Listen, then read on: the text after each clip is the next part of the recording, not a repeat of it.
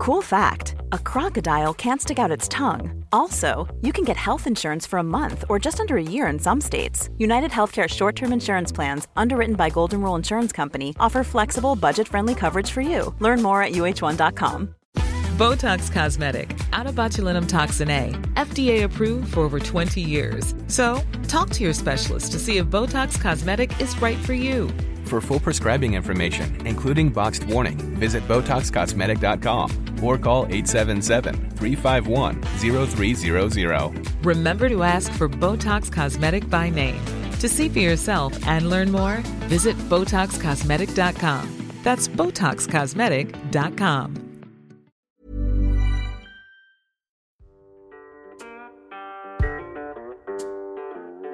Du kommer nu att få lyssna på podden om ont. En podcast om självhjälp mot smärta och stress med mig, Björn Rodin och med mina kollegor från Kaladius Rehab. Varmt välkommen.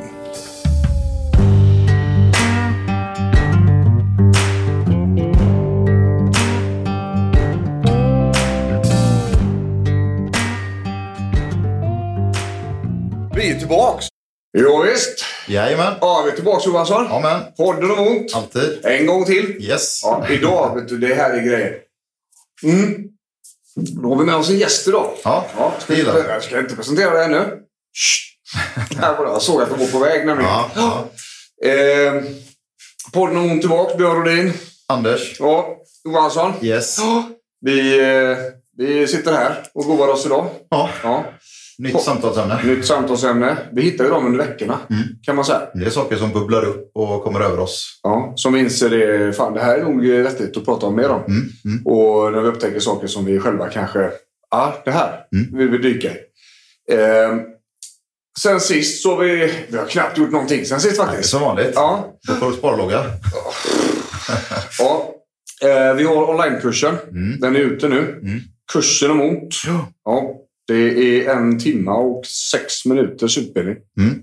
Eh, smärtlindring och stresskontroll. Mm. För alla. För alla. Ja, kan man säga.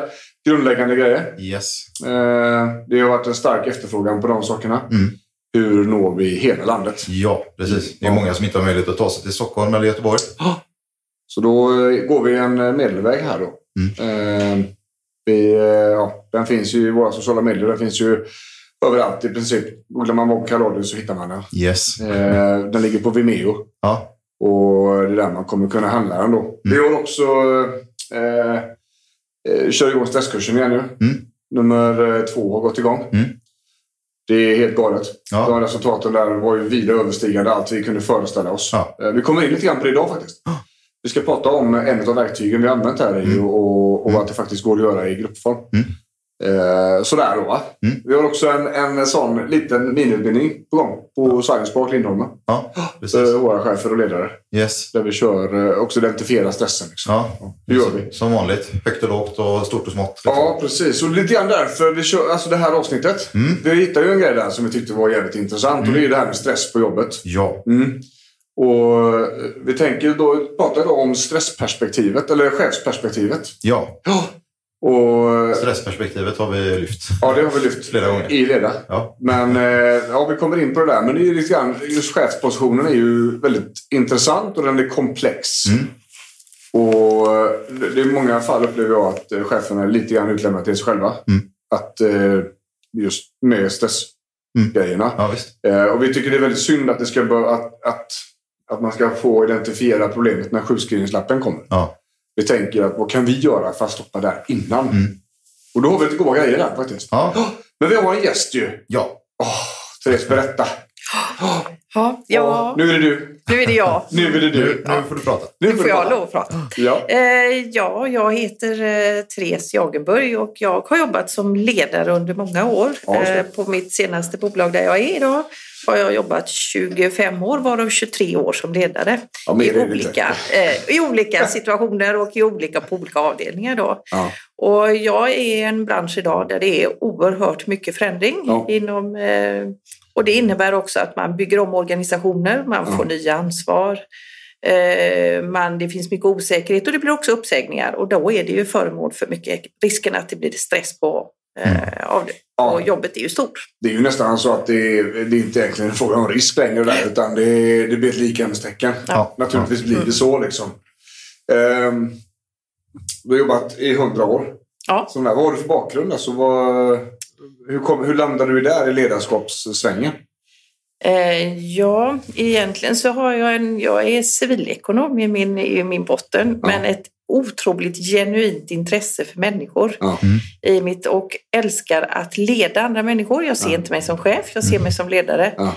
tillsammans med mina medarbetare. Ja. Eh, och, eh, det är väl så också på den vägen att jag tycker samtidigt om att leda människor och eh, så. Och där hamnade jag på den vägen ganska tidigt i min karriär faktiskt. Det var så ja. Mm. Ja. Och du, du är hos oss också?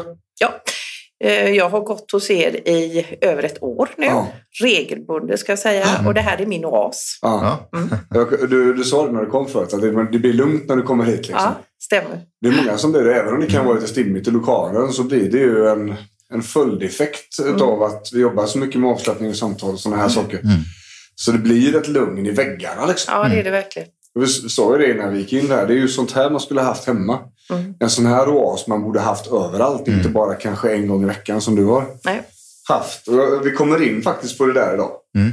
Hur, alltså vi har pratat om återhämtning och sådana här saker. Och det kopplar vi alltid till stressen. Och eh, hur gör vi och, och hur ser det ut? Sådär. Eh, vi ska ju ha två stycken vägar idag Johansson. Mm.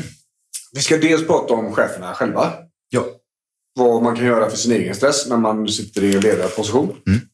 För man har ju krav både underifrån och ovanifrån. Jajamän. Eh, sådär. Eh, och vi ska också prata om hur man kanske leder personal då, eh, som har stressproblem. Eller som man kanske inte ens vet har stressproblem. Men som om man skrapar på ytan så ser man att här finns det ganska stora stressproblem. Precis. Det är ofta de vi träffar. Ja. Vi har ju mycket frustration över arbetssituationerna där cheferna inte riktigt har varit med på banan. Inte förstått riktigt vilket, Nej. Vad de lägger på individerna. Nej, vilka effekter det får liksom. Nej. Och en stor del i det är att människor inte berättar om det. Nej. Alltså en anställd berättar inte vilka problem man har. Utan, eh, Man kniper käft och håller ihop. ja. Och så eh, kör man på. Ja. Och sen så gick det inte en dag. Nej. Och så blir man frustrerad på chefen att han inte såg. Och så säger vi det, men hur skulle han ha kunnat sett? Du gömmer ju allting för alla. Mm. Så det finns olika sidor på det här myntet. Och idag ska vi just prata om, om eh, chiefens då. Mm. Eh, vi har ju pratat ganska mycket om stress. Va? Återhämtning i podden och på filmer och grejer. Och vi, vi har ju faktiskt tre stycken poddavsnitt i över tre timmar Ja. information. Nu tänker vi att det kanske ni inte ska lyssna på idag. Men, men eh, vi kan i alla fall tipsa om Ja. avsnitt 13 som handlar om utmattning och stressbesvär. Det är när det gått över gränsen då, när det blir sjukdom utav det. Vi har avsnitt 15 som handlar om mental återhämtning. Och den busen kommer vi komma tillbaka till idag flera gånger. Och sen har vi då eh, avsnitt 19 där det är effektiva stresskontrollsverktyg. Liksom. Hur gör vi i praktiken? Men Johansson, stress. Ja. Vad var det för något? Ja, det är ju en eh, fysiologisk och mental reaktion på hög belastning. Och den belastningen kan vara mycket. Den kan vara alltifrån att vi är hungriga och rädda till att vi har tidsjäktning över oss. Till att vi eh, ja, har trampat på en spik. Då drar också stressen igång. Det är ju ett eh, beredskapssystem som eh, hjälper oss att ta oss ur svåra situationer. Men när vår stora hjärna och vårt västerländska samhälle driver oss in i hotfulla situationer 24 timmar om dygnet, då kommer kroppen reagera 24 timmar om dygnet. Ja, precis. Och då har vi ett problem. Förr eller senare. Vi har ju en liknelse där. Om du, eh, det, är det sympatiska nervsystemet måste vi blanda in när det gäller stress. Ja. Eh, och, och det är ju fight or flight-systemet. Och det är det som ska funka vid överfall eller vid kraftiga reaktioner eller eh, sådär. Eh, vidgar pupiller, höjer puls, eh, ökar blodtryck, eh, utsöndrar adrenalin och så vidare. Mm. Om vi, vi har en sån här anekdot vi brukar köra, både i filmer och föreläsningar. Så här, att, om du tänker att du ligger på en sandstrand och så är det varmt och gott och du håller på att blåsa till i solen. Therese? Och så ute i buskarna bakom dig så kliver den största tigern du har sett. Och, och hade sympaticus inte funkat då så hade du inte agerat och då hade du dött. Där och då. Om du på vägen ner till den här stranden hade sett att det var varning för tiger. Byborna hade sagt att akta dig för fan, här bor det en stor gris här borta. Så. Och så sist du var där så nästan dog du. Så hade du inte somnat i den där solstolen. Beredskapen hade varit höjd. Men vi har stress. Vi har tigrar överallt i vårt liv idag. Mm. Vi har stora och små. Vissa har mamma och pappa satt dit. Andra har eh, Instagram satt dit. Jajamän. Eh, tredje har eh, chefen satt dit. Eh, och många tigrar sätter vi dit själva också. Eh, Absolut.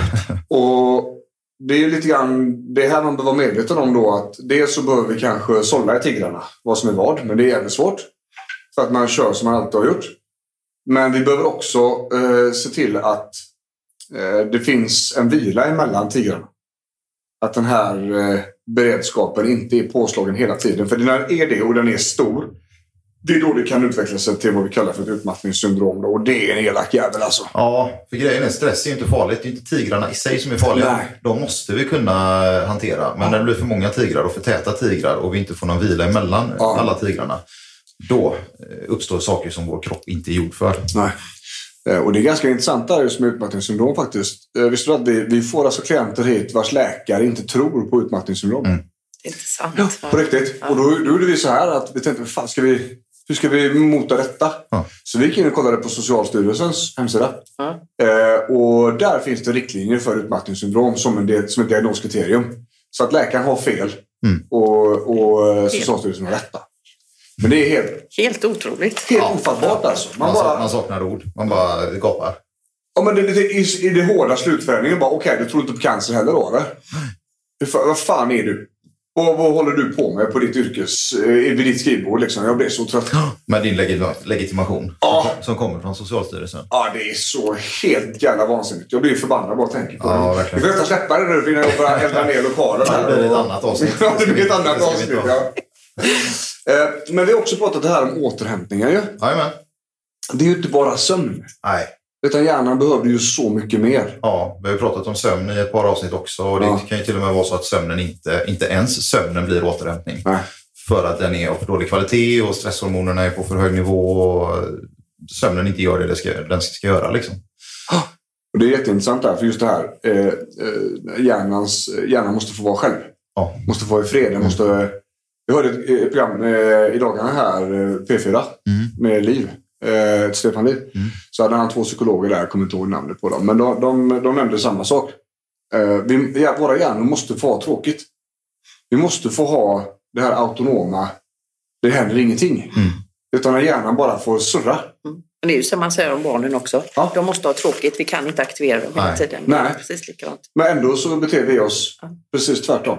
Och eh, på stresskursen här, vi, vi, man har ju olika moment i de här grejerna. Va? Och, och vissa gånger så bara, wow, här var ett moment som satte allihopa på spetsen. Eh, och då gjorde vi en grej, för vi har en, en övning som heter, eh, alltså man ska sätta etiketter på det som kommer, in, som det som kommer i huvudet.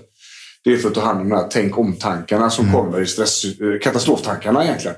För man ska, i, I huvudet ska man ha förmågan att okay, pausa, titta. Vad är det för tanke? Är det ett minne? Är det en lust? Är det en känsla? Eller är det är en tanke av? Va? Och i det här så måste man ju lyssna på sig själv. Man måste höra bruset in i huvudet. Och gång fem på den här första kursen, då, då gjorde vi den övningen. För då var det dags för den.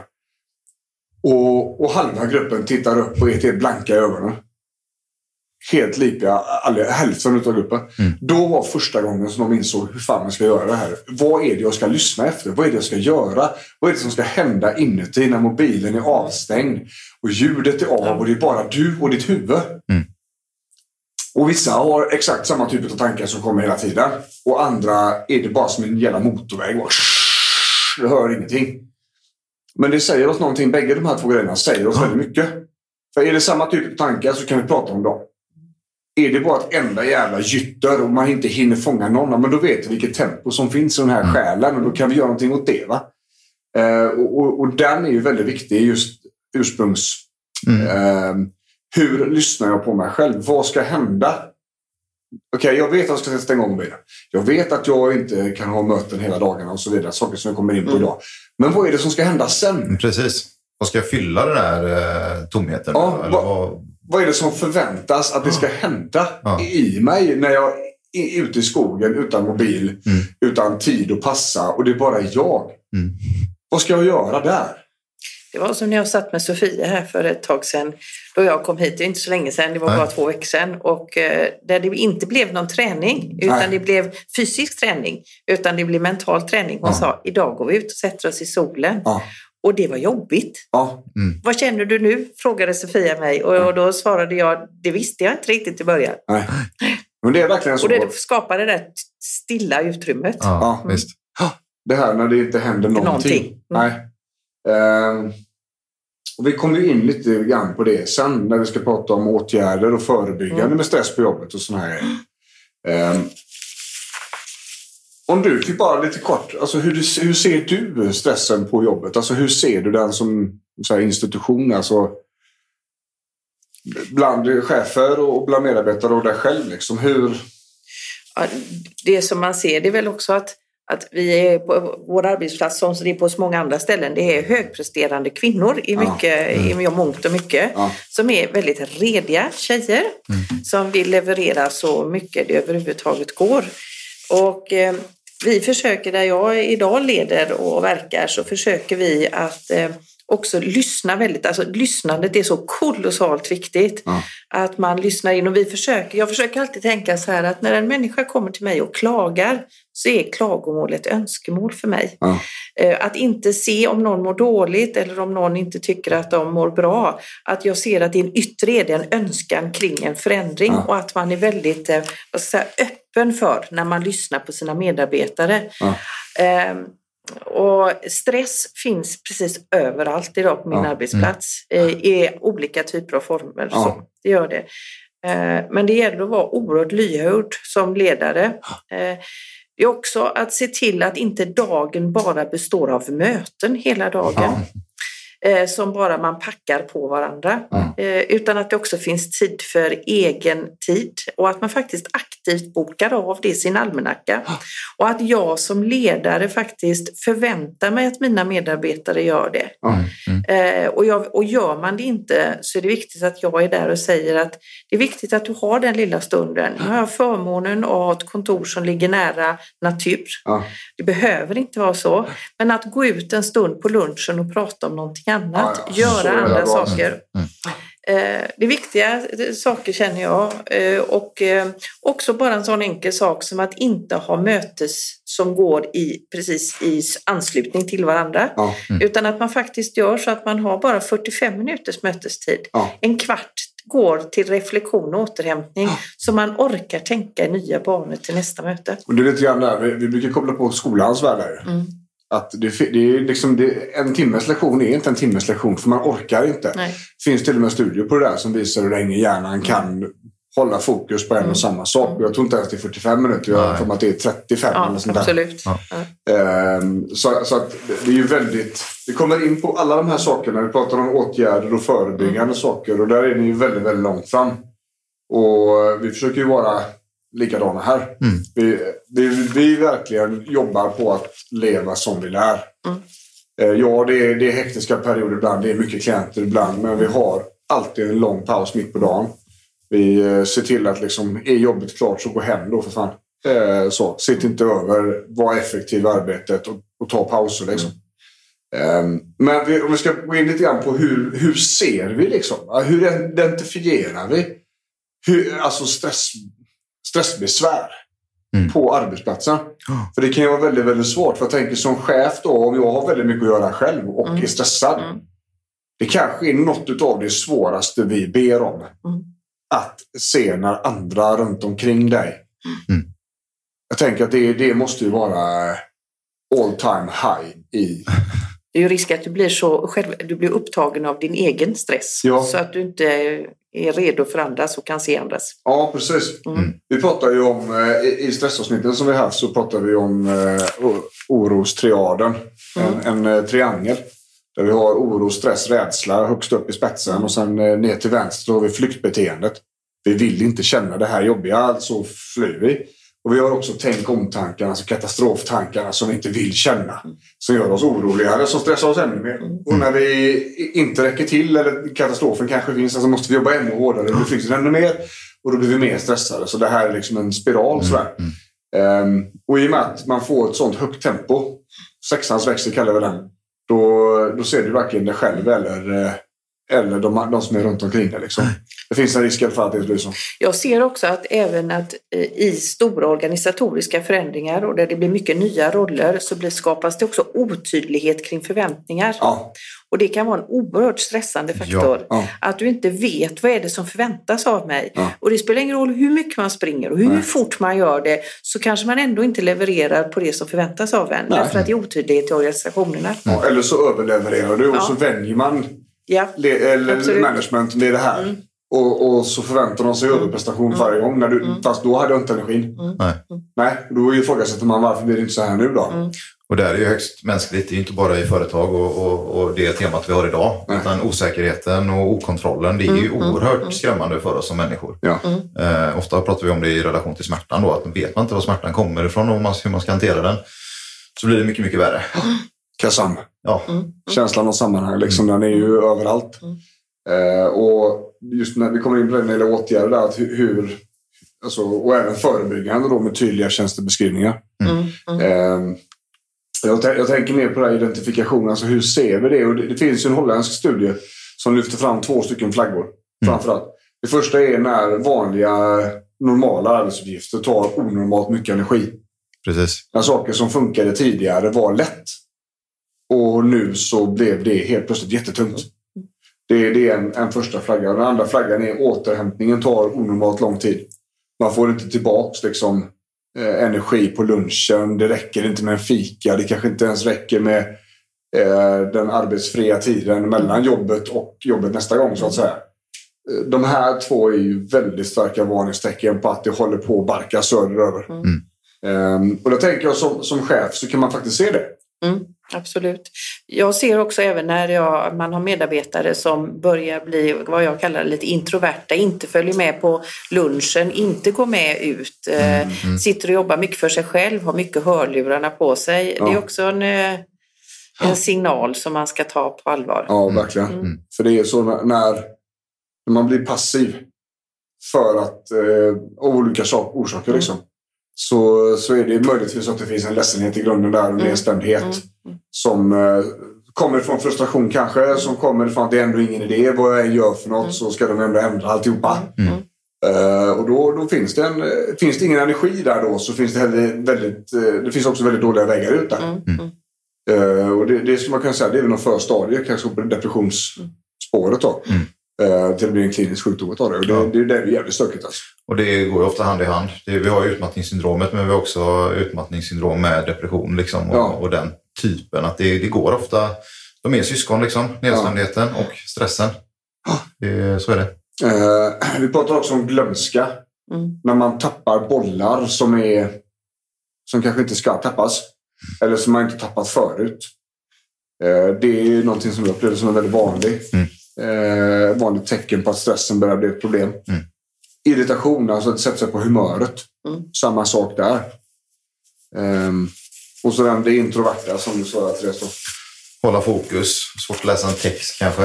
Eh, Koncentrationen känner jag också där att, och det märker jag ganska tydligt också att när vi sitter då, som vi sitter i öppna landskap, Ja. då blir ju den här, alltså är du då stressad och i ett öppet landskap där du hela tiden Ja. har ljud omkring dig så är det svårare att hantera stressen i den, när det blir mycket att göra. Ehm, Det, det, är ganska, det är ganska intressant där, för man, har ju, man ser ju det mer och mer nu. Mm. Hur öppna landskap var helt fel väg. Det är intressant, för helt plötsligt var på, när var det de, de kom? Och det började 2000-talet någonstans där som det skulle, Ja, så allting var skulle det vara mycket, öppet. det var trend i det då, ja. Precis. Ja. Mm. Allting skulle vara öppet. Och det trivs bäst i öppna landskap. Liksom. Ja, det kom ju, det kom ju upp med honom. Ja. Men så eh, visade det sig att det var långt ifrån alla hjärnor som klarar av det. Jag fungerar ju inte så till exempel. Nej, Jag, jag har ju ett helt annat eh, kontor här nere på Kaladius. Eh, För att min hjärna fungerar inte. nej. Där. Och det hänger väl inte bara ihop med liksom person utan det handlar ju med arbetsuppgift också. Ja, att vad, du liksom, vad är det du ska... I vilken miljö fungerar bäst i olika situationer? Ja. Men det är ju så här, one size doesn't fit all. Mm, ja, Liksom. exactly. Ja. Och vi har ju, på tal just om de här, vi snackar där vissa koncentrationsförmågan har vi pratat om. Vi har pratat om minnet, bland annat. Och det som är så jävla häftigt, det är att det finns ju sätt att kolla det här på. Mm. Vad som är vad. Eller vad tröttheten framför allt. Mm. Som då kan komma av energilösheten som skulle kunna tänkas komma från stressen. Mm. Eh, då har vi eh, ett formulär som vi använder på Kalorius som inte är i vårat. Utan det är Karolinskas. Ja. Eh, ska jag bara pilla med papper Ja, här. Karolinska Exhaustion Disorder Scale tror jag. Just det, KEDS. Ja, förkortat. Ja. Eh, och KEDS använder vi för att ta reda på hur tröttheten har satt sig hos individen. Mm. Och, och precis hur och var och i vilken grad. Ja. Och det är åtta stycken underkategorier. Det är en då som är koncentrationsförmåga. Eh, och då eh, går det från noll. Jag har inte svårt att koncentrera mig utan läser, tittar på tv och får, för samtal som vanligt. Upp till sex. Där jag kan överhuvudtaget inte koncentrera mig på någonting.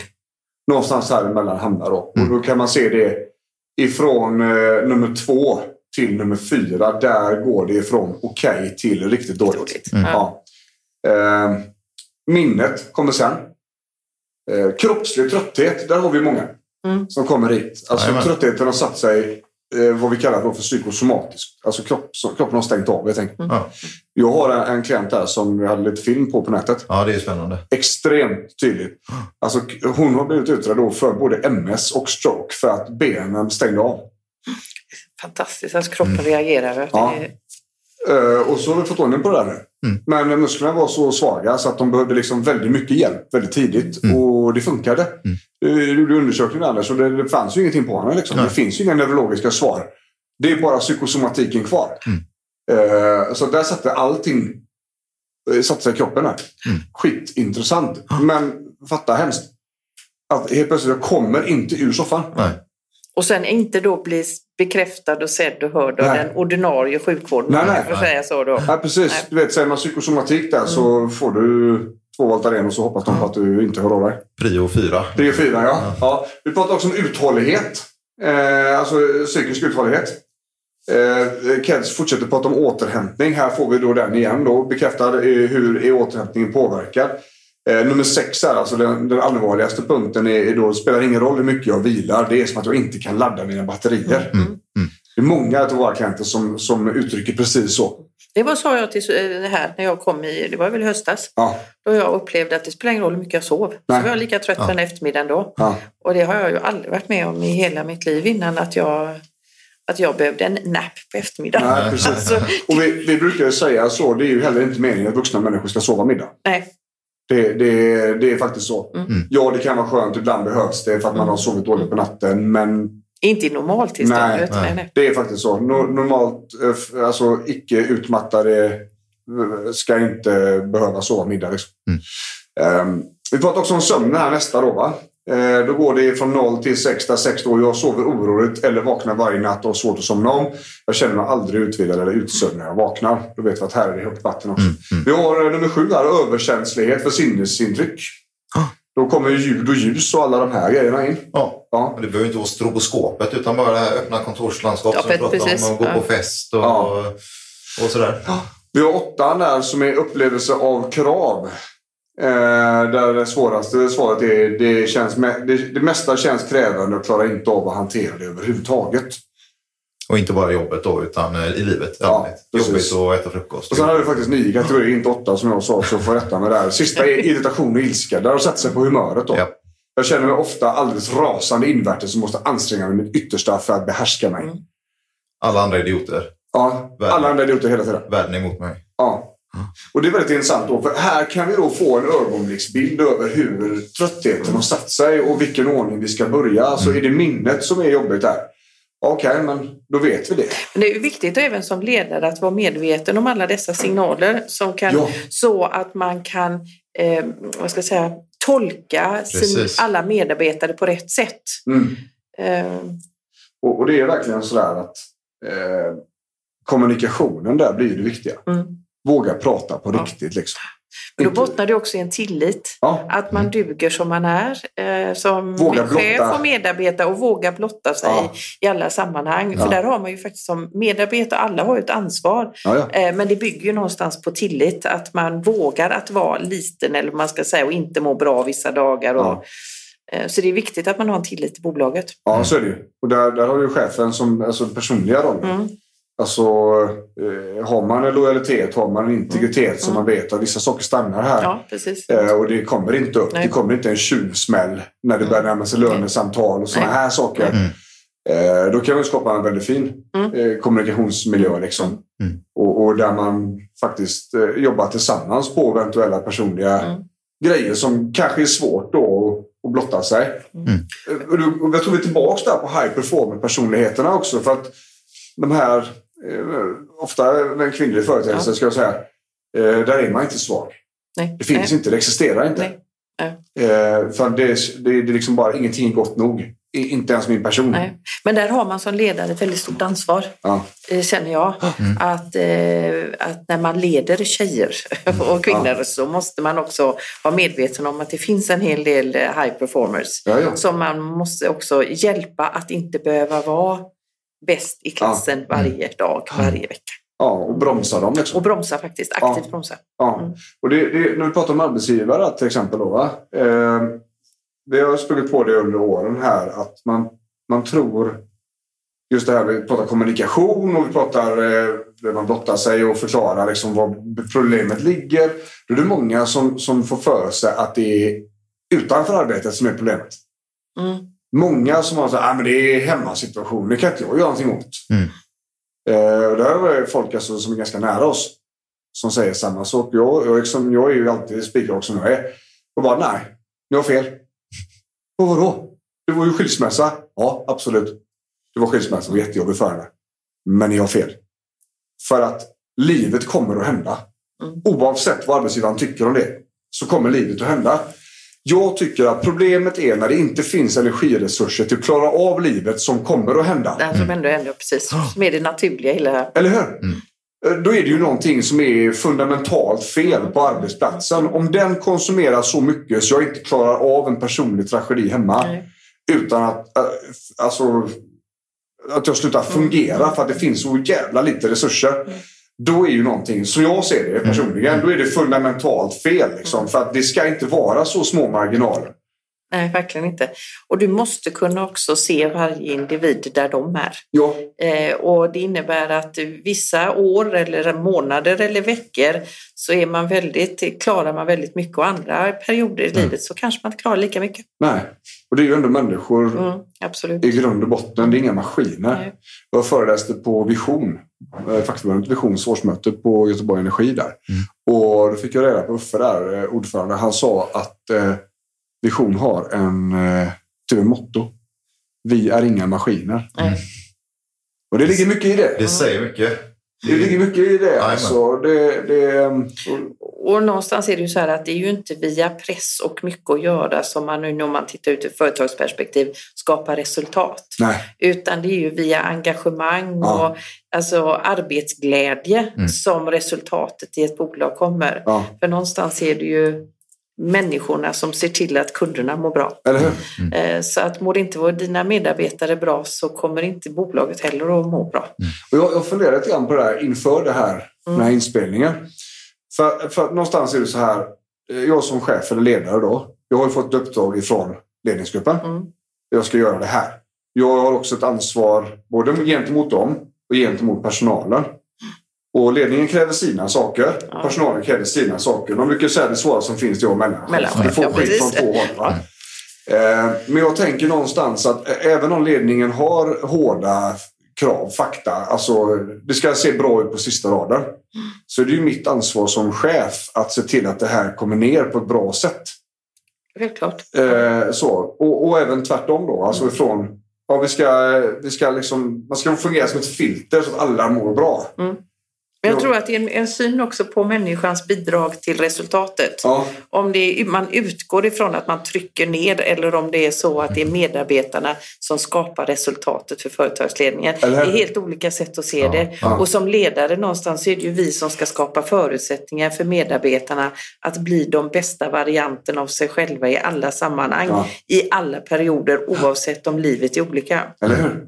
Och, och när det finns en sån en hög stress i, i hela organisationen eller på hela avdelningen Mm. eller vad det än kan handla om. Så, så, vet, alltså, så, så kan vi ju rent eh, faktamässigt påvisa att det blir sämre. Ja, precis. Eh, Men, men det är inte alltid lätt att se för högsta ledningen. eh, Hur, för de sitter ju på sin position och sina Absolut. kompetenser. absolut. Eh, Och, och de kanske inte har varit nere på golvet, situationstecken, på väldigt många år. Nej. Och där har man ju en väldigt roll, om vi nu kallar sig mellanchef då, så har man ju ett väldigt ett ansvar att Ja. kommunicera just de effekterna. Ja, precis. Samtidigt så ska vdn inte vara nere och packa Nej, lådor. nej. För att då är det fel person Mm. på fel plats. För det, finns bet- det finns folk som är bättre att packa lådor än vad vdn är. Mm. Och de som packar lådor kanske inte kan föra affären framåt rent bolagstekniskt Mm. med stater eller, eller myndigheter eller eh, stora inköp och så vidare. Då. Mm. Det, det är liksom rätt kompetens och, och rätt erfarenhet på Mm. rätt plats. Absolut. De ska inte möta varandra. Det, det är tyvärr så. så det, det kommer inte hjälpa. Det är ju samma sak. Eh, eh, min fästmö eh, jobbade ju på en snabbmatskedja när jag träffade henne. Hon sa det absolut svåraste och jobbigaste var när ägaren kom ner och skulle stå i köket. För han var fan bara i vägen. Ja. Han kunde ingenting. Och det gick så långsamt att hela maskineriet bara boom, stannade upp. Mm. Så det var typ världens sämsta dag. Det var när ägaren kom ut. Han kunde gå upp på golvet med kavaj och sett lite mysig ut. Det skulle han ha gjort. Men släpp för fan köket alltså. För du, du hänger inte med här. Nej. Det blir så tydligt va? Ja. Och då skulle han ner och visa att jag kan också eh, svänga pommes frites. Liksom. Nej, det kan du inte. För det tar tio gånger så lång tid för dig. Och det är 45 meter kö. Väck med dig. Och jag tror man måste ha respekt för varandras yrkesroller. Va? Och då tänker jag vi kommer in på det här med tjänstebeskrivningar. Mm. Kravställningen ifrån företaget och även den överenskomna kravställningen Mm. ifrån personalen. Alltså vad jag som anställd anser är rimligt. Mm.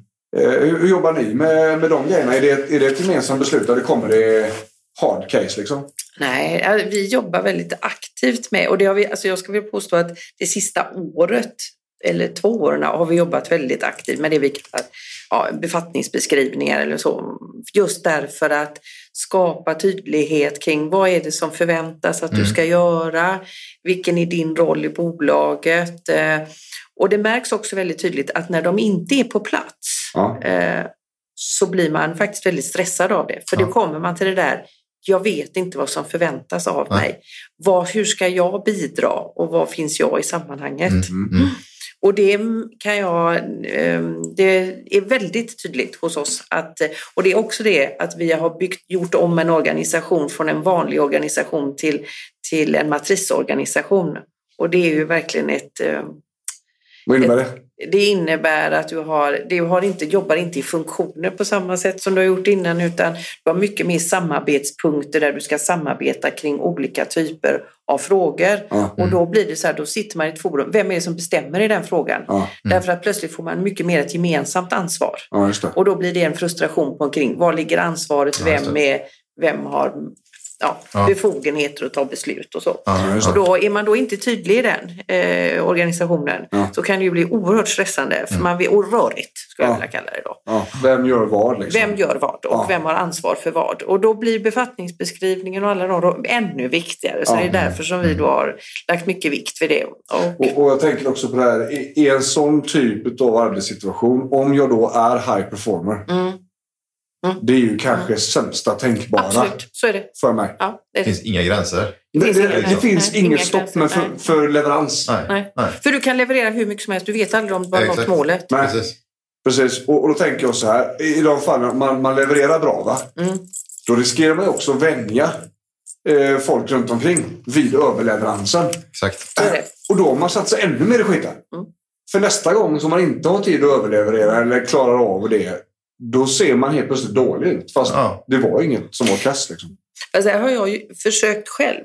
Att när jag, för mig, när det inte är tydligt vad som förväntas av mig, att Mm. det spelar ingen roll om det är VD eller vem det månde vara, så mm. att jag alltid försöker ställa frågan så här, eh, vad är det som förväntas jag ska leverera? Ja. När är det? Vad är det till för? Mm. Vad är syftet med Ja. det? Vad vill du uppnå med det? Ja. Just därför att det ska bli, om inte andra är tydliga mot mig, Mm. så har jag ett ansvar att faktiskt be om att, att jag vill kunna leverera en bra leverans. Det. Och då måste jag som anställd också våga ställa frågan Ja. oavsett vem det är som har givit mig arbetsuppgiften. Det där är ju ett konkret verktyg om något. Ja. Ställa de fem, sex kontrollfrågorna Ja, ja. till sig själv och, Ja. och till Ja. eh, kanske den som har levererat eh, uppdraget. Då. Vet, vet, jag vad som, vet jag vad leveransen innebär? Ja, Vet jag vilken tid den ska levereras på? Mm. Vet jag vilken omfattning den ska levereras? Vet jag hur, i er matrisorganisation då, hur ser samverkan ut med andra avdelningar? För det är ju inte alltid den som ber om att få en leverans egentligen riktigt vet varför ber jag om Nej, denna. nej, nej. Alltså, så det, det är en väldigt bra kontrollfråga mot Ja. även uppdragsgivaren Ja. om jag får säga så. Det, eh, Och det riskerar väl att bli lite viskleken utav det. Att, Ja, ja, att absolut. Vad det är längst ut på Mm. linan, den som Mm. ska initiera, Mm. eh, Ja. blir väldigt svajigt. Liksom. Mm. Och, och jag försöker, det, det är någonting jag jobbar hårt med själv också. För jag är ju ledare på Kaladius. Liksom. Mm. Jag försöker coacha mina gubbar och tjejer här så mycket jag bara hinner. Eh, och i många fall så blir det en diskussion. Eh, för att de ställer motfrågor. Och liksom, vad är syftet med det här nu? Vad, vad ska jag vara ute efter? Kommer vi tjäna någonting på att Alltså både tid och underlätta arbetet och så vidare, och så vidare på det vi gör nu. Mm. Så att vi inte överjobbar och så var det egentligen ingen mening när vi fick de siffrorna. Eh, vi har ju mycket marknadsföring på sociala medier och sådana här saker och vi, vi har ganska bra koll på hur flödet in på klienter ser ut och så vidare. Men, men där finns också en del mätvärden och datavärden som vi inte har nytta utav. Då behöver vi inte mäta dem. Det, det, och, och då behöver vi heller inte skapa en rutin för hur tar vi reda på detta. Ehm, utan vi försöker hela tiden se till att, att organisationen är så slimmad som möjligt. Att vi inte administrerar ihjäl oss. Mm. För det är ju inte ett företag som har gått tungt för att man skapar för mycket administration. Jag tänkte på en annan sak också. Jag, I min roll idag så jobbar jag ju som förändringsledningscoach. Ja. Och jag inledde med att säga att det är mycket förändringar och förändringar är inte bara hos, utan är ju överallt idag så är ju förändringstakten högre än vad den har varit någonsin. Mm. Och det är ju också en källa till, osä- alltså till stress och osäkerhet och eh, så. Eh, Och jag upplever idag att bolag generellt inte jobbar så mycket med förändringen av människorna. Alltså att man tar inte så mycket fokus i vad innebär den här förändringen för människan? Nej. Utan ibland är det mycket fokus på det är en organisationsförändring, det Ja. kanske är ett nytt system eller det är Ja. någon ny... alltså, Det är mer själva förändringen i sig, Mm. men inte förändringen av vad det innebär för människorna, den förändringen. Nej. Och hanterar man inte den förändringen som kommer att kanske krävas eller förväntas av medarbetarna så kan det skapa oerhört mycket stress. Ja. Och jag tror nog att bolagen har mycket fokus på själva förändringen Ja. men inte människorna i förändringen. Man glömmer bort den detaljen. Man liksom. glömmer bort den detaljen och det är ju den som är så stor för att kanske få resultat av Mm. den själva förändringen. Ja. Om man inte tar med människorna. Ja, för det kan ju vara, det kan ju vara världens bästa optimering man Ja, gör i ja. system eller någonting. Ja. Men, men, om, men om anställda inte har rutiner eller inte hinner Inne. eller Nej. inte förstår. Kompetens eller Eller resurser, hur? vad det månde vara, så blir det ju inte något resultat av det. Nej. Och är jag, är jag high performer Mm. i ett sånt läge, Läge. Ja. jävlar alltså. Det är Ja. ju bara, det finns ju, det sexans växel hade där, så Mm. sjuan, åttan liksom. Ja, Och, och så undrar man varför man är plakat när man kommer hem. Ja, eller hur? Och, och då finns det, då kan jag säga så här, då borde det räcker inte att gå ut i skogen Nej, det, och andas eller att sova lite tidigare. Då är det, då är det högt vatten. Liksom. Mm. För där kommer både uppgifterna att ta onormalt mycket energi för de är nya. Mm. Eh, och återhämtningen kommer att vara rubbad eftersom de kräver så mycket energi. Eh, och, och stress och oro och sånt, det, fortsätter, det slutar inte bara för att man går hem från jobbet. Va? Utan det fortsätter ju där och det är det vi måste jobba på. Mm. Eh, och, och det är ju ja, det är otroligt intressant. Och det, Ser ni någonstans med er då, alla, alla som kommer hit, alltså vad den huvudorsaken idag säger man att man får stress? Är det, är det konstant ungefär samma anledning eller är det så att det har förändrats över tid på något sätt? eh, det man kan säga är att många, de som har ont som kommer hit, Ja, där är ju smärtan väldigt, väldigt dominant. mm, Och den suger energi och då får Mm. man mycket mindre. Då blir man orolig för sin livssituation. Ska det vara så här och så vidare. mm, De som är stress, eh, som kommer hit för stressrehab. Mm. Där är det väldigt olika. Mm. Eh, det är inte ovanligt att det är någonting som har utlöst det. Eh, att det är, nå- det är typ i hemmet det pikar. mm. Men när vi börjar skrapa på ytan så är det väldigt ofta jobbet. Och det är det Ja, jätteofta faktiskt eh, det här mer otydliga arbetsbeskrivningar. Ja. Eh, man, man får jobba ihjäl sig. Och det, det kommer fortfarande bara mer och mer och mer och mer och mer. Så att det finns, speciellt då eh, i, i organisationer, antingen som går i branscher som går väldigt bra, Mm. typ byggbranschen. Har vi ett par stycken ifrån eh, de stora kolosserna i Göteborg. Eh, där tempot är så högt överallt att man glömmer bort alla människor. Så. Inga Eh. gränser liksom. Nej. Och sen har vi de branscherna som går dåligt. Mm. Eh, där det är varslingar och det är förändringar och det är en uppgivenhet i organisationen. Sådär. Och vi får ju en del höga chefer som sitter på jobbiga positioner. Som, som kanske måste låta folk gå och sådana här saker. Det är de som sitter på det beslutet. Då. Mm. Så att, det är väldigt olika. Eh, Men generellt sett så ser ju vi också att stressen i samhället, den eskalerar ju nu. Mm. Det är ju lavinen som är igång. Mm, Det, är mm. inte, det, det kommer inte sen. Nej. Utan det är här nu. Det är bara det att vi tror att vi åker pulka. Eh, för det, det går bara fortare och fortare. Och vi, det jag också upplever på mina klienter det är att besvären blir större och större. Mm. Mm. Det blir ganska omfattande problem ganska fort. man Låter har- vi det gå för länge? Ja, absolut. Ja. Vi låter det gå för länge. Eh, vi har en mycket begränsad eh, förmåga som individer att sätta ner foten, Ja. sätta stopp, kräva sin egen. Mm. Alltså ta hand om sig själv. Mm. För konsekvens så gör man inte det. Nej. Vi brukar säga så när vi är ute och föreläser, där, när du flyger flygplan och ska eh, eh, i säkerhetsgenomgången och sådär. Vem är det som ska ha syrgasen först liksom? Ryan Reynolds här från Mint Mobile. priset på nästan allt som går upp under inflationen, trodde vi att vi skulle bring våra priser down. So to help us, we brought in a reverse auctioneer, which is apparently a thing. Mint Mobile unlimited premium wireless. Ready to get 30, 30, bit to get 30, bit to get 20, 20, 20, bit to get 20, 20, bit to get 15, 15, 15, 15 just 15 bucks a month. So, Give it a try at mintmobile.com slash switch. $45 upfront for three months plus taxes and fees. Promo for new customers for limited time. Unlimited more than 40 gigabytes per month. Slows. Full terms at mintmobile.com. Cool fact a crocodile can't stick out its tongue. Also, you can get health insurance for a month or just under a year in some states. United Healthcare short term insurance plans, underwritten by Golden Rule Insurance Company, offer flexible, budget friendly coverage for you. Learn more at uh1.com. Ja, det är jag. Mm. Det är inte ens det brinnande barnet bredvid. Utan det är jag som ska ha det först. Om jag simmar så, så duger det ingenting. Så det kommer inte funka. Va? Och det, det är lite grann samma grej. Man, att man lägger ner all, man ska hjälpa alla andra först. Och sen tar man det som är över själv. Mm. Och det där är ju...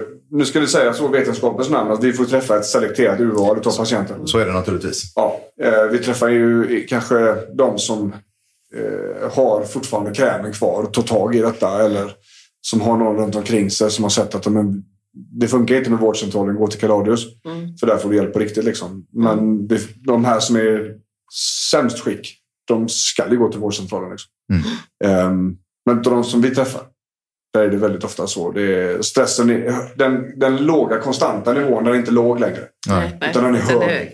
Ja. Det luriga med detta är ju att man ofta tappar, eh, som vi var inne på innan, perspektivet själv. Ja. Omgivningen kanske ser Absolut. och, och märker Mm. att det går åt fel håll. Men själv tänker man att man har koll på läget. Ja. Tills det har gått alldeles, alldeles för långt. Ja. Om man inte kommer ihåg saker eller Nej. kommer ur sängen eller sådär. Och jag, vi sa det i utmattningsavsnittet där. Jag brukar också säga det till mina klienter att jag fortfarande inte träffat någon som såg väggen. Nej. Nej, men det är ju så. Det är Än absolut. Nej. Det är ingen som har sett den. Men med facit i hand så vet alla Mm. när det gick åt helvete. Mm. Mm. Alla vet vad det var som gjorde att det sprack. Den bubblan som man har blåst upp. Mm. Men man, man nonchalerar den också eventuella sin själv upplägg. Jag Ja. var, var väldigt ung, men jo, det var inte så illa. Men jag har även, även liksom, har ändå drabbats av att jag, eh, min kropp sa till mig att hallå, nu är det dags att Mm. och, och dra ner lite på tempot. Ja. Eh, och, men jag såg ju inte det komma. Nej, nej. Nej. nej, nej. Och så blir man ofta... Det, det där kan ju bli väldigt många olika lager utav Mm. jobbigt. För att om man inte identifierar sig med någon som faktiskt är... eh, Som inte är på de höga nivåerna och presterar. Eller att man, man kan inte se sig själv i spegeln längre på samma sätt för att det är bara ett skal som står där. Mm. Då tar det också väldigt hårt. Mm. Det blir andra psykologiska faktorer som spelar in där. Och det är därför det är väldigt vanligt att man blir ledsen. Liksom. Man orkar inte. Det går inte längre. Det blir frustration och då blir jag passiv och stilla. Eh, Och det gör mig ännu mer ledsen. Mm. Så drivs man in i en sån spiral då. Va? Och allt detta gör att det, det kan liksom inte ligga på individen utan det måste vara systemet som ska förändras. Ja. Och det är klart företaget och arbetsgivaren ingår ju i det systemet. Liksom. Men därmed inte sagt att individen är utan ansvar. Nej. Det måste vi också eh, så. För Ja. att eh, alla vi människor är ansvariga för vår egen återhämtning. Det är ingen som kan återhämta sig för oss. Men när vi fyller livet med så mycket innehåll att det inte finns luft i det så kommer det att vara svårt. Eh, Thomas Hymme sa det när vi spelade in avsnittet för depression och eh, stress och smärta. Vi har inte släppt det utan vi håller lite grann på det där. Han sa så här, om du bara har saker i huvudet som gör dig trött och som eh, är jobbiga och har för lite saker eller inga saker som gör dig liksom glad, upprymd, eh, tjo och kim. Då är du alltså riskexponerad för depression. Mm. För då har du ingen... Vågskålen i huvudet är ojämn alltså. Och ganska intressant företeelse där. när- Just om vi pratar stresskursen. Så ställde jag frågan där. För i, den här, i processen att hantera stress så anser vi då på Kaladhus att vi måste ha in roliga saker i livet. Mm. Det räcker inte bara med återhämtning. Det, det är en bit av det. Men du måste ha in lustfyllda Lustfyllt, grejer. ja, absolut. Du måste vara ball liksom. Du, du kan inte gå runt och bara vänta på att någonting, eller på semestern då i, i vecka 32. Det funkar inte så. För, och ju mer grejer vi har, ju mer grejer måste vi... Alltså ju mer grejer vi har som tar, ju mer grejer måste vi ha som, tar, som ger oss saker. Eh, och då, då, då brukar vi förklara att du ska hitta skit med guldkant. Liksom. Du ska hitta roliga saker som det här är riktigt roliga som du tycker är skoj. Och så frågar jag det på gruppen.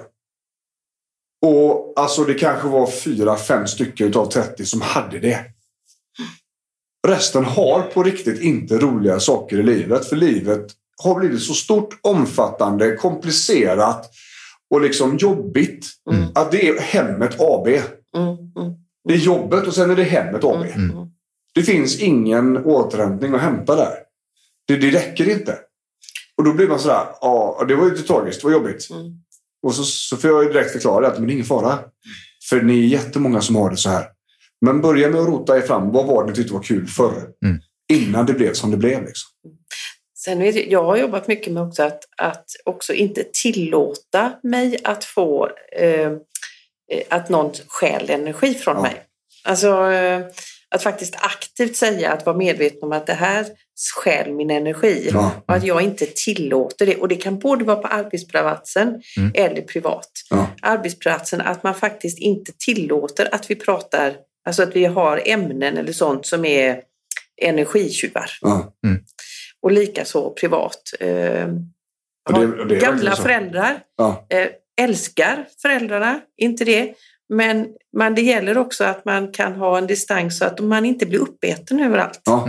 Så man bara är till för alla andra, Ja. för man måste vara till för sig själv. Ja. Det är, ju, det är ju vanligt att folk har glömt bort sig själva. Ja, Det är ju så klassiskt det kan bli. Ja. Att allt annat kommer i första hand. ja, Ja. Och möjligen någonstans där nere på botten så finns en spillra av det gamla ja, jaget. ja, Liksom. mm. När, när vi börjar, när vi kommer så långt i, i våran stressbehandling här. Ja, vem är det som är på insidan då? Mm. Vad behöver hon? När träffade du henne sist? Mm. Eh, jag vet inte. 80-talet. Och det kan vara ganska jobbigt att Ja, bara bli jag. medveten om att, att man inte har kontakt med sig själv. Alltså det kan ju vara nästan sorgligt. Ja. Absolut.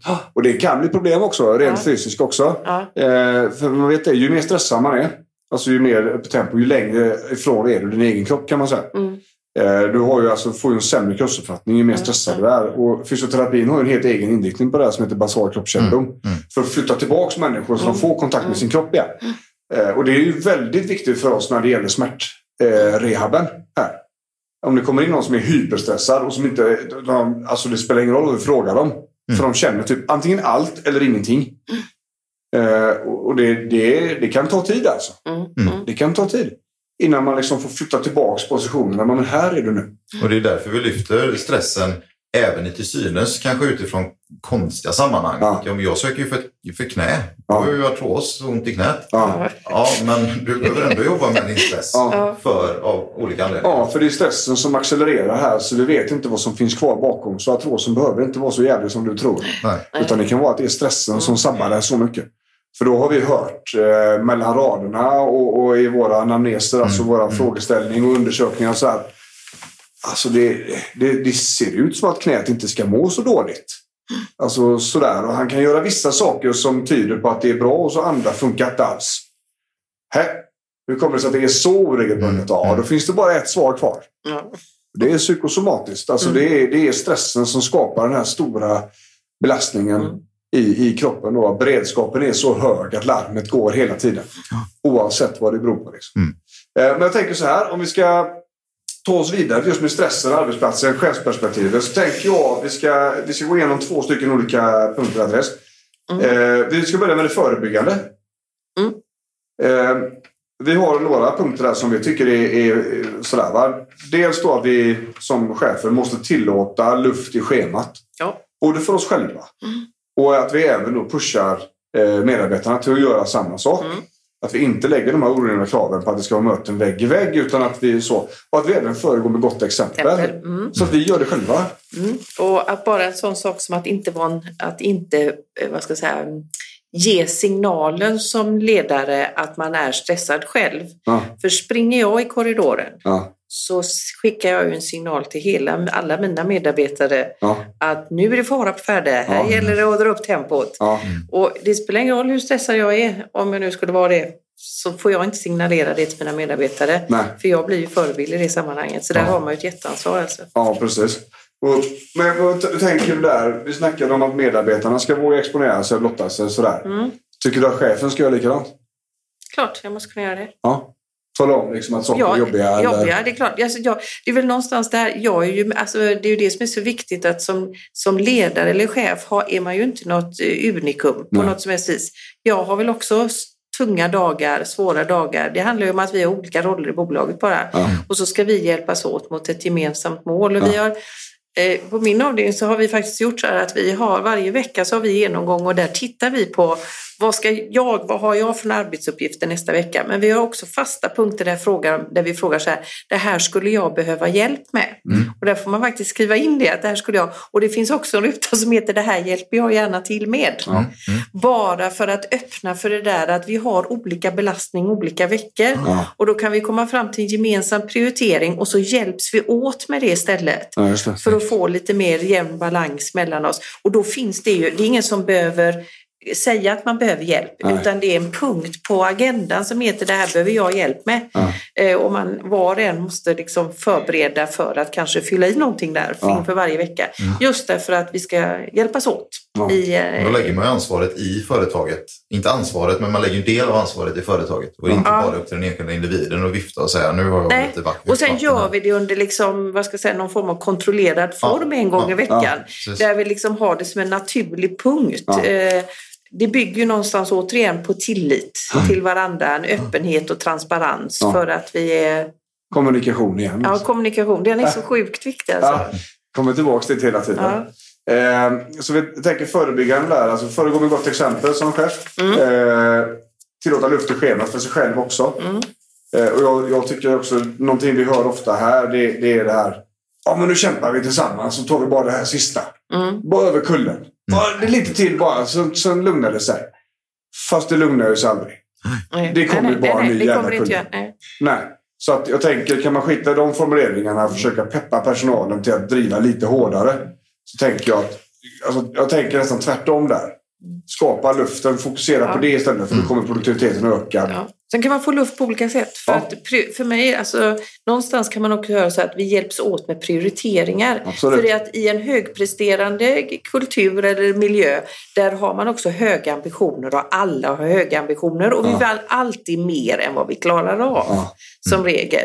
Och då gäller det också att som ledare hjälpa till med att göra prioriteringar. Det innebär inte att man säger nej till saker, att Nej. vi inte ska göra det. Men det är frågan om när vi ska göra det.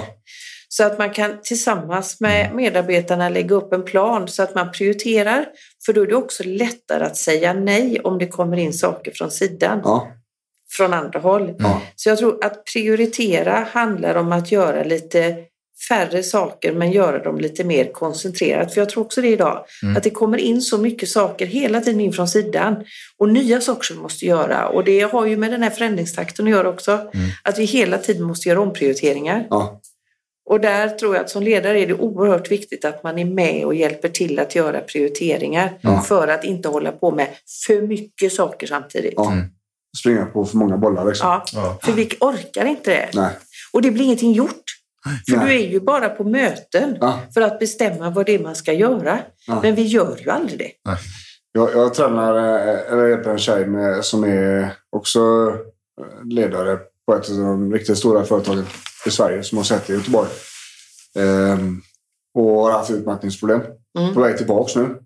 Gått jättebra för henne. Skitduktig. Alltså det var verkligen färdigpaketerat. Så vi, vi liksom började glesa ut grejerna efter gång sex där. Men du behöver inte springa här varje vecka nu. Du löser detta. Liksom. Eh, Så, så bara hör av dig regelbundet och sådär. Men hon förklarade det att när, när det hennes, på hennes organisation så när det var folk som kom in med skit. Eh, då, då, hennes lösning där hade blivit tvungen att vara du, du får ta det med min chef. För att det är hon som prioriterar här nu. För jag gör det jag gör. Och du kräver fem timmar utav, i veckan till utav mig. Eh, jag gör inte den prioriteringen här nu utan jag har min styrning. Vill du att min styrning ska ändra sig så får du ta det med min kollega eller chef. Hon sitter där borta. Varsågod och gå. Ehm, och det kan vara så ibland när det är väldigt intensiva eh, avdelningar tänker jag. Eller sådär. Det bara hasplas ur eh, uppgifter. Ja, för så är det, absolut. Bara, Ja, fast det här tar tio timmar att göra. Mm. Alltså, ska vi klart imorgon? Ja, fast nej. Det går ju inte. Nej. Men om jag då är en high performer Mm. Mm. och så får jag det till mig. Absolut, så Och så det. finns det ingen styrning. Nej. Så styrningen är viktig alltså. Ja, ja. Absolut. Och det tänker jag, det är ju både alltså, dialog mellan, mellan chefen och kanske och ledning. Ledning, Vad är det som krävs nu? Mm, Vad, mm. vad vill vi ha ut? Mm. Och även nerifrån då kan man, Mm. så här ser det ut och, och det här kan vi leverera och det här Mm. försöka hitta en bra balans där. Så det är ju inte ledningen är inte utan ansvar och de anställda är inte utan ansvar. Nej, och mellancheferna sitter i mitten och ska försöka koordinera det här på bästa sätt. Samtidigt som ska de hålla ihop. Tänker jag. Mm. Eh, och, och, och även då jobba på sin egen mentala återhämtning. Ja. Ehm, jag tänker just när det gäller åtgärder. Eh, när man upptäcker stress Mm. så behöver inte det ha gått speciellt långt. Utan man kan se det ganska snabbt. Mm. Eh, och även pratar man på riktigt på, jobb, på jobbet Mm. så, så vet man vilka som är stressade. ja, det vet Sådär. Eh, och då kan man ju hjälpas åt där.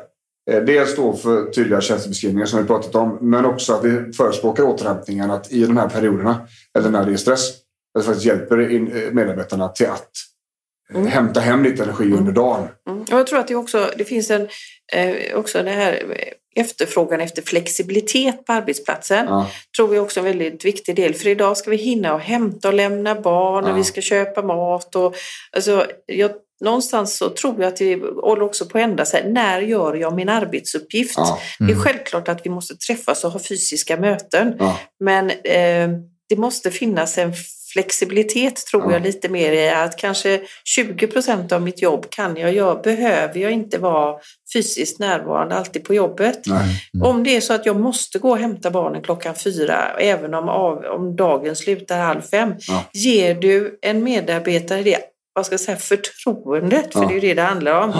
Ja. Att, att det är ju inte själva timmarna utan Nej. det är ju egentligen det man gör. Mm. Och om man då har möjlighet att gå lite tidigare för att kanske göra det här som stressar en oerhört.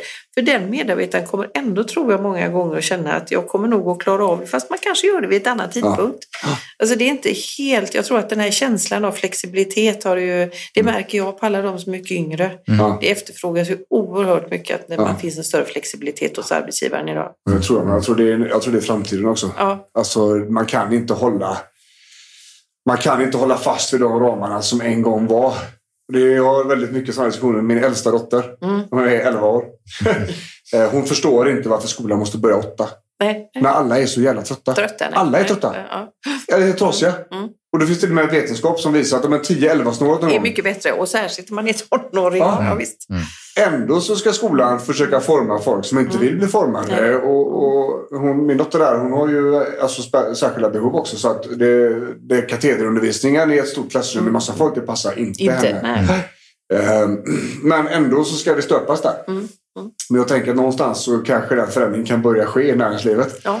Mm. Att men det är så här. Eh, Och det är även de här eh, workspaces. Alltså, Mm. Du behöver inte sitta på kontoret om du inte ska vara på kontoret. Liksom. Nej. Eh, Sitt där du känner att du mår bra Mm. och gör ditt jobb därifrån. Liksom, så För jag tror du... att det är också precis det olika arbetsuppgifter, vi pratade om det innan, Ja. olika arbetsuppgifter. Vissa arbetsuppgifter kräver kanske tystnad. Ja, Eh, då kan jag inte sitta i en öppet landskap. Då Nej. måste den medarbetaren känna det att nej, idag kunde jag faktiskt, om man nu har de möjligheterna, alla har man har inte det på alla arbetsplatser vill jag ju säga då, Mm. men i de fall man har möjligheter så kan man ju tänka sig att man får möjlighet att sitta kanske hemma och göra någon uppgift någon gång eller så. Det, ja. Så försöker vi jobba. Ja, jag, tycker det, jag tror det är flexibiliteten där är Mm. helt avgörande. För det, det är precis som du säger, din bransch är ju en torktumlare just nu. Ja. Och det kommer att fortsätta vara så. Ja, det och det är fler branscher som kommer gå den vägen också. För att just nu så är det någonting som händer Det är något som håller på att hända. i samhället. Absolut. På gott och ont. Mm. Eh, det- Men vi kan inte stoppa det. Nej, det så vi vi inte. måste lära oss att leva med det och så anpassa oss efter det. Så är det. Precis. Och ha, vara så pass på tå både med människor Mm. och med organisation att vi ska kunna agera flexibelt Mm. när någonting händer. Världsmarknaden ändrar sig eller, eller köpbeteende Mm. ändrar sig. Helt plötsligt så är det på, på sex månader så är det ingen som handlar på ett speciellt sätt längre. längre. Eh, nej, men det är klart att om en organisation som är gammal i gården eh, har gjort samma sak under alla år. Helt plötsligt så ska allting förändra sig. Ja, så jag tror att man måste tänka på hur, vi, hur, hur ska organisationerna se ut? Hur, vad- hur på, kommer detta påverka människorna? Ja. För annars så går vi inte i takt med varandra Nej. kring kraven och hur vi organiserar oss. Då får vi mer stress. Ja, Vi går i osynk. Liksom. Vi går i osynk. Ja, då, då kommer vi tillbaka där till stressen då, som hela avsnittet handlar om, som Mm. vi jobbar väldigt mycket med. Att det är liksom där. Det är skadligt alltså med den mängden av stress vi har idag. Och det, det är, vi är redan på ett ställe där det är, ja, det är head south. Alltså vi är där. Det är inte så att det kommer om några år. Utan vi är där nu. Det krävs insatser för att bromsa det. Liksom. Ja, både på individuella nivåer, alltså som vi jobbar mycket då med kunskapsspridning. Så här gör du för din egen skull just nu. Men det spelar ingen roll hur mycket jag jobbar med stress om det är någonting på jobbet som äter upp mig. För att eh, arbetsplatsen är skitdålig. Eh, dålig. eller man kanske saknar kunskap eller gör bara som man alltid har gjort. Va? Eh, så och samhället har ju sin del. Alltså samhällsklimat och, och liknande. Sådär, va? Så jag ska inte säga att det är omöjligt, men det kräver insatser på allas plan, allas nivåer. Mm. Och det var väl lite grann det vi tänkte med här, det här poddavsnittet. Mm. Ska vi, för vi vet, vi träffar väldigt mycket människor där, där chefsskiktet är Diskutabelt. Ja, och, och, och där, där vi också märker hur, hur stor inverkan arbetet har på individerna. Mm. För du vet, det spelar ingen roll hur trött man är, man prioriterar jobbet i alla fall. Ja, visst, absolut. absolut. Och, och då- Bara ikväll säger man, nu ska jag bara jobba lite extra. Ja. Eller bara idag, men sen blir det bra. Och Ja. det blir ju inte så. Och Alltså, det, så- du vet, när, vi, när vi får in klienter hit som är så utmattade att vi måste börja liksom att skapa energi så att livet funkar först och främst. Eh, ändå så prioriterar man jobbet. Så man, man kan alltså jobba typ 50 procent men man är helt sabbad efter jobbet för att man prioriterar det. Men hushållet funkar inte. Relationen med maken funkar inte. Mammarollen är sådär. Det börjar bli ångest och grejer. Men jobbet, det prioriterar jag. Mm.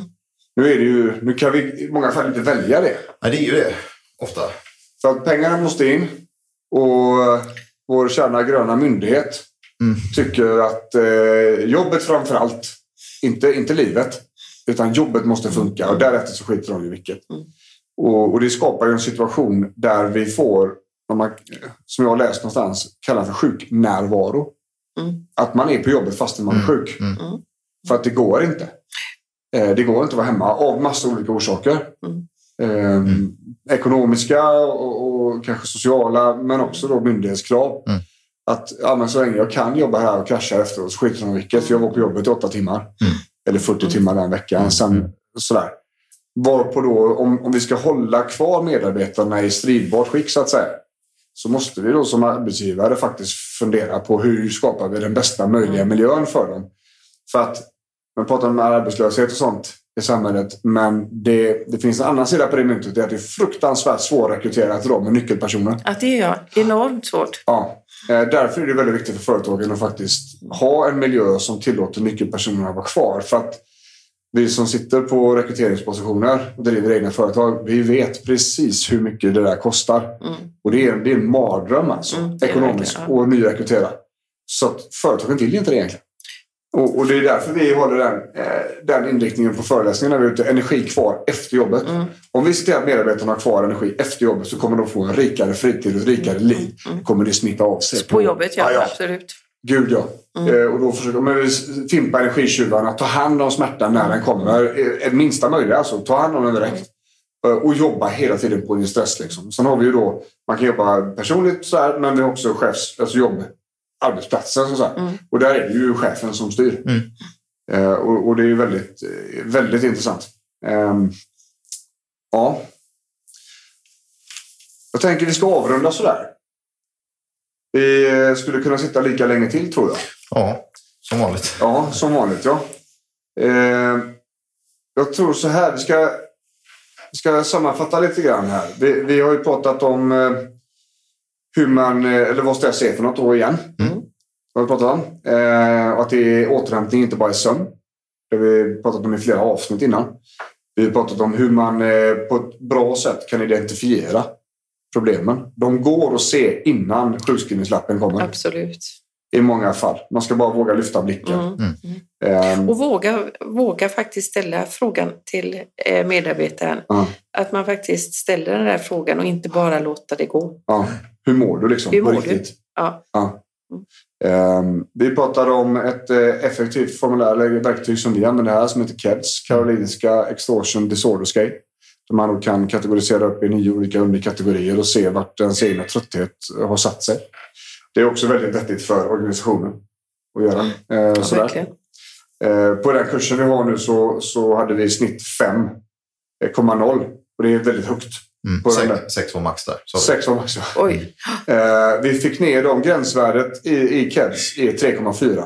Nu då på sex veckor har vi fått ner hela gruppen 3,9. Det är fantastiskt. Det är sjukt. Jag trodde aldrig i min vildaste fantasi att det skulle funka så effektivt. Men det gjorde det. Eh, och, eh, den grejen handlar ju mer om att vi utbildar folk i, i hur stress funkar, vad de kan göra åt det. Ja. Eh, och hur man måste disponera sin energi. Och, och vad, hur man återhämtar sig. Det är ingen behandling utan det här är bara Det en är lite ökad medvetenhet Ja. inom alla Jajamän. områdena. Alla områdena, ja. Eh, vi pratar om arbetsgivardelen. Att eh, det, det är inte alltid livet utanför jobbet som är problemet, även om det ser ut så. Utan eh, energin måste räcka till livet också som ibland tar oönskade en, ja, vändningar. Men finns det ingenting kvar för att jobbet har sabbat det så anser i alla fall jag personligen att problemet inte låg i livet utan i, eh, i den bristande energin. Vi pratar om olika åtgärder. Eh, förebyggande då, till att vi luft i schemat. Eh, vi föregår med gott exempel. Mm. Eh, vi eh, behöver tydliga eh, tjänstebeskrivningar. Så att alla vet vad de ska göra och vet vilken leverans som krävs, vilken tid och så vidare. Eh, du hade jättebra förslag att man skulle ställa motfrågor Mm. som du gör. Det är så bra. Ja, Och oftast är, jag måste faktiskt säga det, att det, men det, är, och det är ofta så att man får en arbetsuppgift och så egentligen så vet inte den som har ställt frågan nej. vad det egentligen man är ute efter. Nej. Och då gör man ju inte rätt arbetsuppgift nödvändigtvis. Alltså Nej, det är väldigt nyttigt för sig själv och även motparten. Ja. Varför vill du ha detta? Det är väldigt bra att göra det. Organisationen som helhet också. Ja, absolut. finslipar ju liksom. Mm. Eh, och, och som chef då så är det väldigt viktigt att man pratar på riktigt. Kommunicerar på Mm. jobbet. Att man eh, verkligen frågar hur det är. Ja. Eh, och skapar en, tänker jag som jag nämnt flera gånger, då, att man har en miljö där man faktiskt kan. Och det är tillit så oerhört viktigt. Trygghet och tillit Ja, är viktiga att man inte viker undan, liksom, att man Nej. inte eh, röker förtroende och sådana här saker. Mm.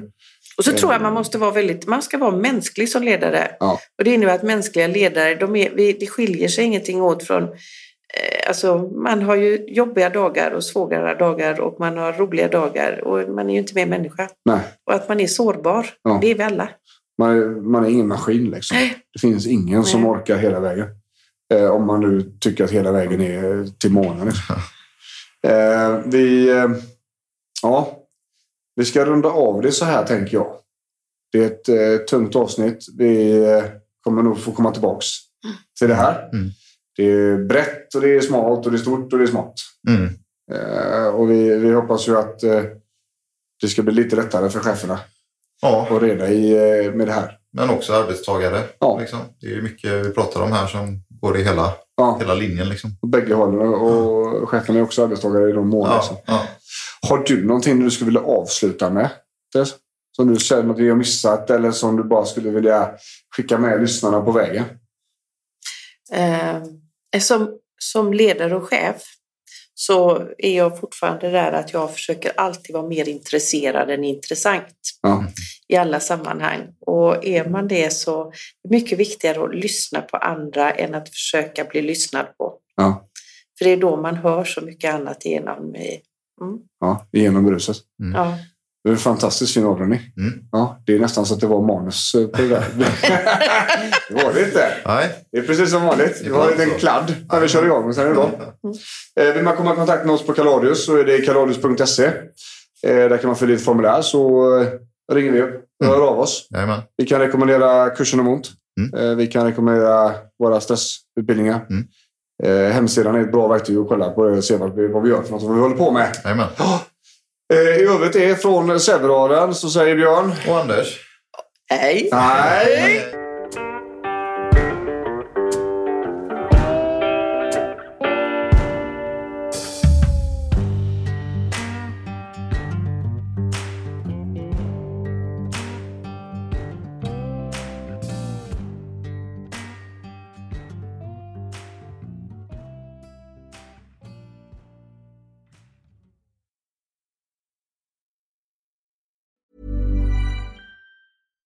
The number one selling product of its kind with over 20 years of research and innovation. Botox Cosmetic, out of botulinum toxin A, is a prescription medicine used to temporarily make moderate to severe frown lines, crow's feet, and forehead lines look better in adults. Effects of Botox Cosmetic may spread hours to weeks after injection, causing serious symptoms. Alert your doctor right away as difficulty swallowing, speaking, breathing, eye problems, or muscle weakness may be a sign of a life threatening condition. Patients with these conditions before injection are at highest risk. Don't receive Botox Cosmetic if you have a skin infection. Side effects may include allergic reactions, injection site pain, headache, eyebrow and eyelid drooping, and eyelid swelling. Allergic reactions can include rash, welts, asthma symptoms, and dizziness. Tell your doctor about medical history, muscle or nerve conditions including ALS or Lou Gehrig's disease, myasthenia gravis, or Lambert Eaton syndrome and medications, including botulinum toxins, as these may increase the risk of serious side effects. For full safety information, visit BotoxCosmetic.com or call 877 351 0300. See for yourself at BotoxCosmetic.com.